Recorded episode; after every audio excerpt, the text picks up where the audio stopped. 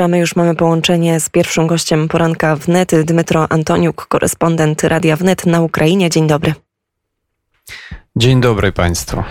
Wczoraj zakończyła się wizyta trzech najważniejszych polityków Unii Europejskiej, a także prezydenta Rumunii na Ukrainie. Proszę powiedzieć, jak jest ona komentowana?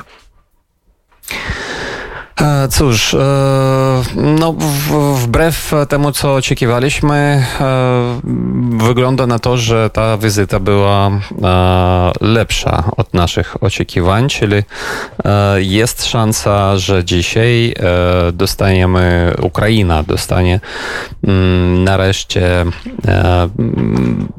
możliwość e, być e, e, kandydatem do członkostwa w Unii Europejskiej. Przynajmniej z tego, co mówili wczoraj liderzy tych państw, które do nas przyjechali, to, to wypływa.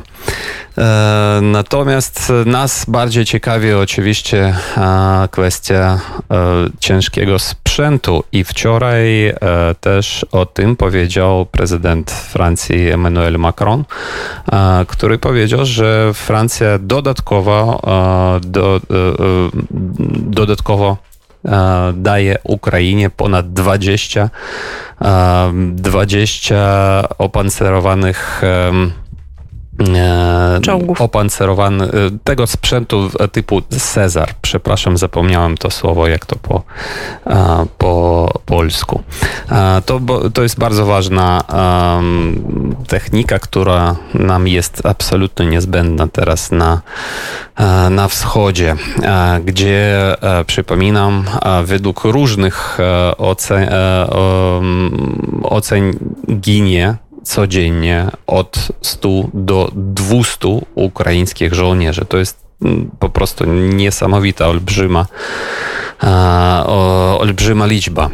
E, wczoraj e, też e, podczas tej wizyty kanclerz Scholz e, powiedział, że e, będąc w Irpieniu, powiedział, że to, co on widzi, to znaczy, że, e, że Rosja robi tutaj na Ukrainie wszystko, żeby zniszczyć Ukrainę i że Niemcy wspierają wszelako Ukrainę, dlatego, żeby Ukraina wygrała tą wojnę. Ostatnia informacja o, o broni od, e, od Niemiec e, jest taka, że dostaniemy trzy, trzy e, takie specjalne wuzy, chyba Panzerhaubitze 2000 to się nazywa. E, i dostajemy ich e, podobno już w e, czerwcu. No ale oczywiście tego nam nie wystarczy niestety, dlatego żeby, żeby przełamać tą wojnę teraz na e, wschodzie, bo tam toczą się teraz e, bardzo ostre walki. No, oczywiście chodziło wczoraj też o e, kwestii eksportu, wznowienie eksportu przez Morze Czarne, eksportu zboża ukraińskiego i innych ukraińskich towarów przez Morze Czarne, Czarne, ale mm, na razie nie wiemy, do czego dogadali się te lidery z naszym prezydentem. I Mario Draghi, premier Włoch, powiedział wczoraj też będąc w Irpieniu, że Włochy też zrobią wszystko dlatego, żeby odbudować, pomóc w odbudowaniu, w odbudowie Ukrainy. Dmytro, powiedz e, proszę, wspomniałeś w jednym zdaniu o tym, jak wygląda sytuacja na froncie, ale jeżeli moglibyśmy jeszcze spróbować rozwinąć, podsumować ostatnią dobę. Um. Sytuacja jest ciężka um, na kierunku słowiańskim w obwodzie donieckim. Um, jest informacja o tym, że wróg już przekroczył niestety rzekę Siwerski Doniec pod Świętohirskiem i znajduje się tam chyba jedyny most prowadzący, był niedawno jeszcze cały, który prowadził z lewego na prawy, na prawy brzeg tej rzeki. Na prawym brzegu znajduje się wojsko ukraińskie. Myślę, że tego mosta być może już nie ma, ale my nie mamy informacji. Natomiast na prawym brzegu znajduje się miejscowość pod nazwą Bohorodyczne i w tej miejscowości teraz toczą się walki. Jeżeli wróg okupuje tą miejscowość, to no, prawie już będzie miał otwarty szlak na Słowiańsk od kierunku północnego. Też trzeba pamiętać, że wróg może uderzyć w Słowiańsk od wschodu, od okupowanej miejscowości Lyman.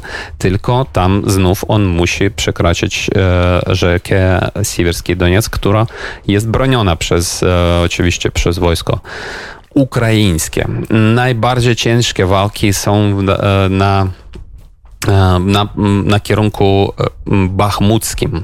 Wróg za wszelką cenę próbuje iść dalej na, od południa na północ na na Bachmut, nacierać na tą trasę, która łączy Łysyciańsk z Bachmutem i tam toczą się naprawdę bardzo ciężkie walki i myślę, że tam ginie najwięcej, najwięcej naszych żołnierzy niestety, ale też żołnierzy wroga. Wróg próbuje też nacierać już na Łysyciańsk z, półno, z, pół, z południa, przepraszam.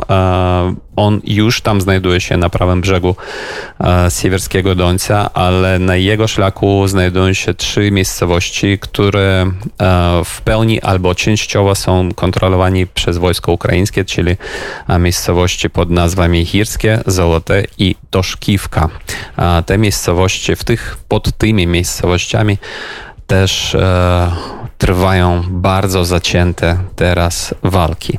No ale na południu, e, na, w, w obwodach zaporożskim, mikołajowskim i hersońskim e, wojsko ukraińskie podobno ma, ma sukcesy. Niewielkie to są sukcesy. Tutaj, mm, jak mówią niektóre, niektórzy mm, eksperci, wojsko ukraińskie zastosuje taktykę tak zwanej salami, czyli odcina po trochu, po trochu w naszą ziemię, zabiera z powrotem naszą ziemię u I um, nawet jest już um, nagranie, gdzie wojsko ukraińskie stoi na um, pewnych um, pozycjach i z tych pozycji już widać Hersoń.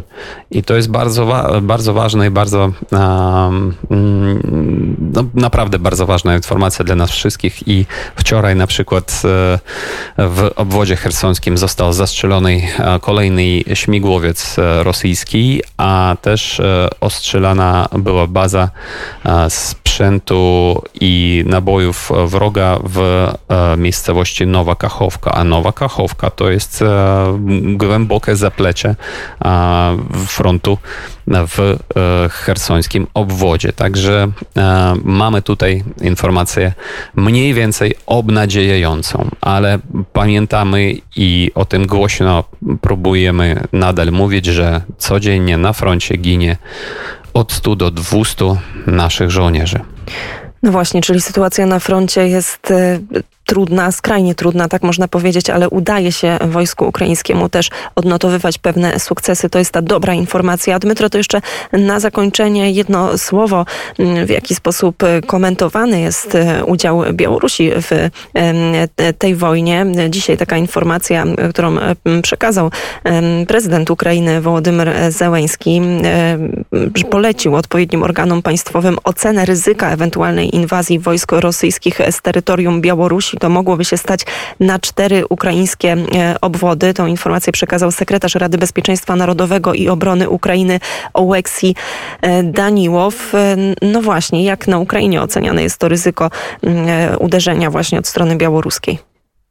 Tak, mamy taką informację i mm, no cóż, e, oceniamy, że to będzie kolejny cios nam w, w plecy od e, Białorusi i mm, naprawdę ludzie mówią, że po prostu tego, my już nie podarujemy tego, co do, e, na nas spadają rakiety i latają samoloty wroga z terenów białoruskich, ale jeżeli mm, regularne wojsko białoruskie wejdzie na, wejść na tereny Ukrainy, no to będzie jego absolutna kląska i być może kląska też reżimu Łukaszenki, bo my spodziewamy się na to, że jednak prawdziwi Białorusini, patrioty tej, tego państwa już będą mieli szansę, żeby nareszcie, nareszcie zniszczyć ten reżim tego dyktatora. No właśnie, w tym momencie też warto e, przypomnieć i też pamiętamy cały czas o dziennikarzach, publicystach, e, którzy są uwięzieni e, przez reżim Łukaszenki w białoruskich więzieniach. Część z nich to już ponad rok czasu pozbawieni tak, wolności. Tak na przykład nasz kolega Andrzej Pociobut. Dokładnie tak. Dmytro, bardzo serdecznie dziękujemy. Dmytro Antoniuk, dziennikarz Radia Wnet na Ukrainie, był gościem poranka. Bardzo serdecznie dziękuję. Dziękuję. Miłego dnia Państwu.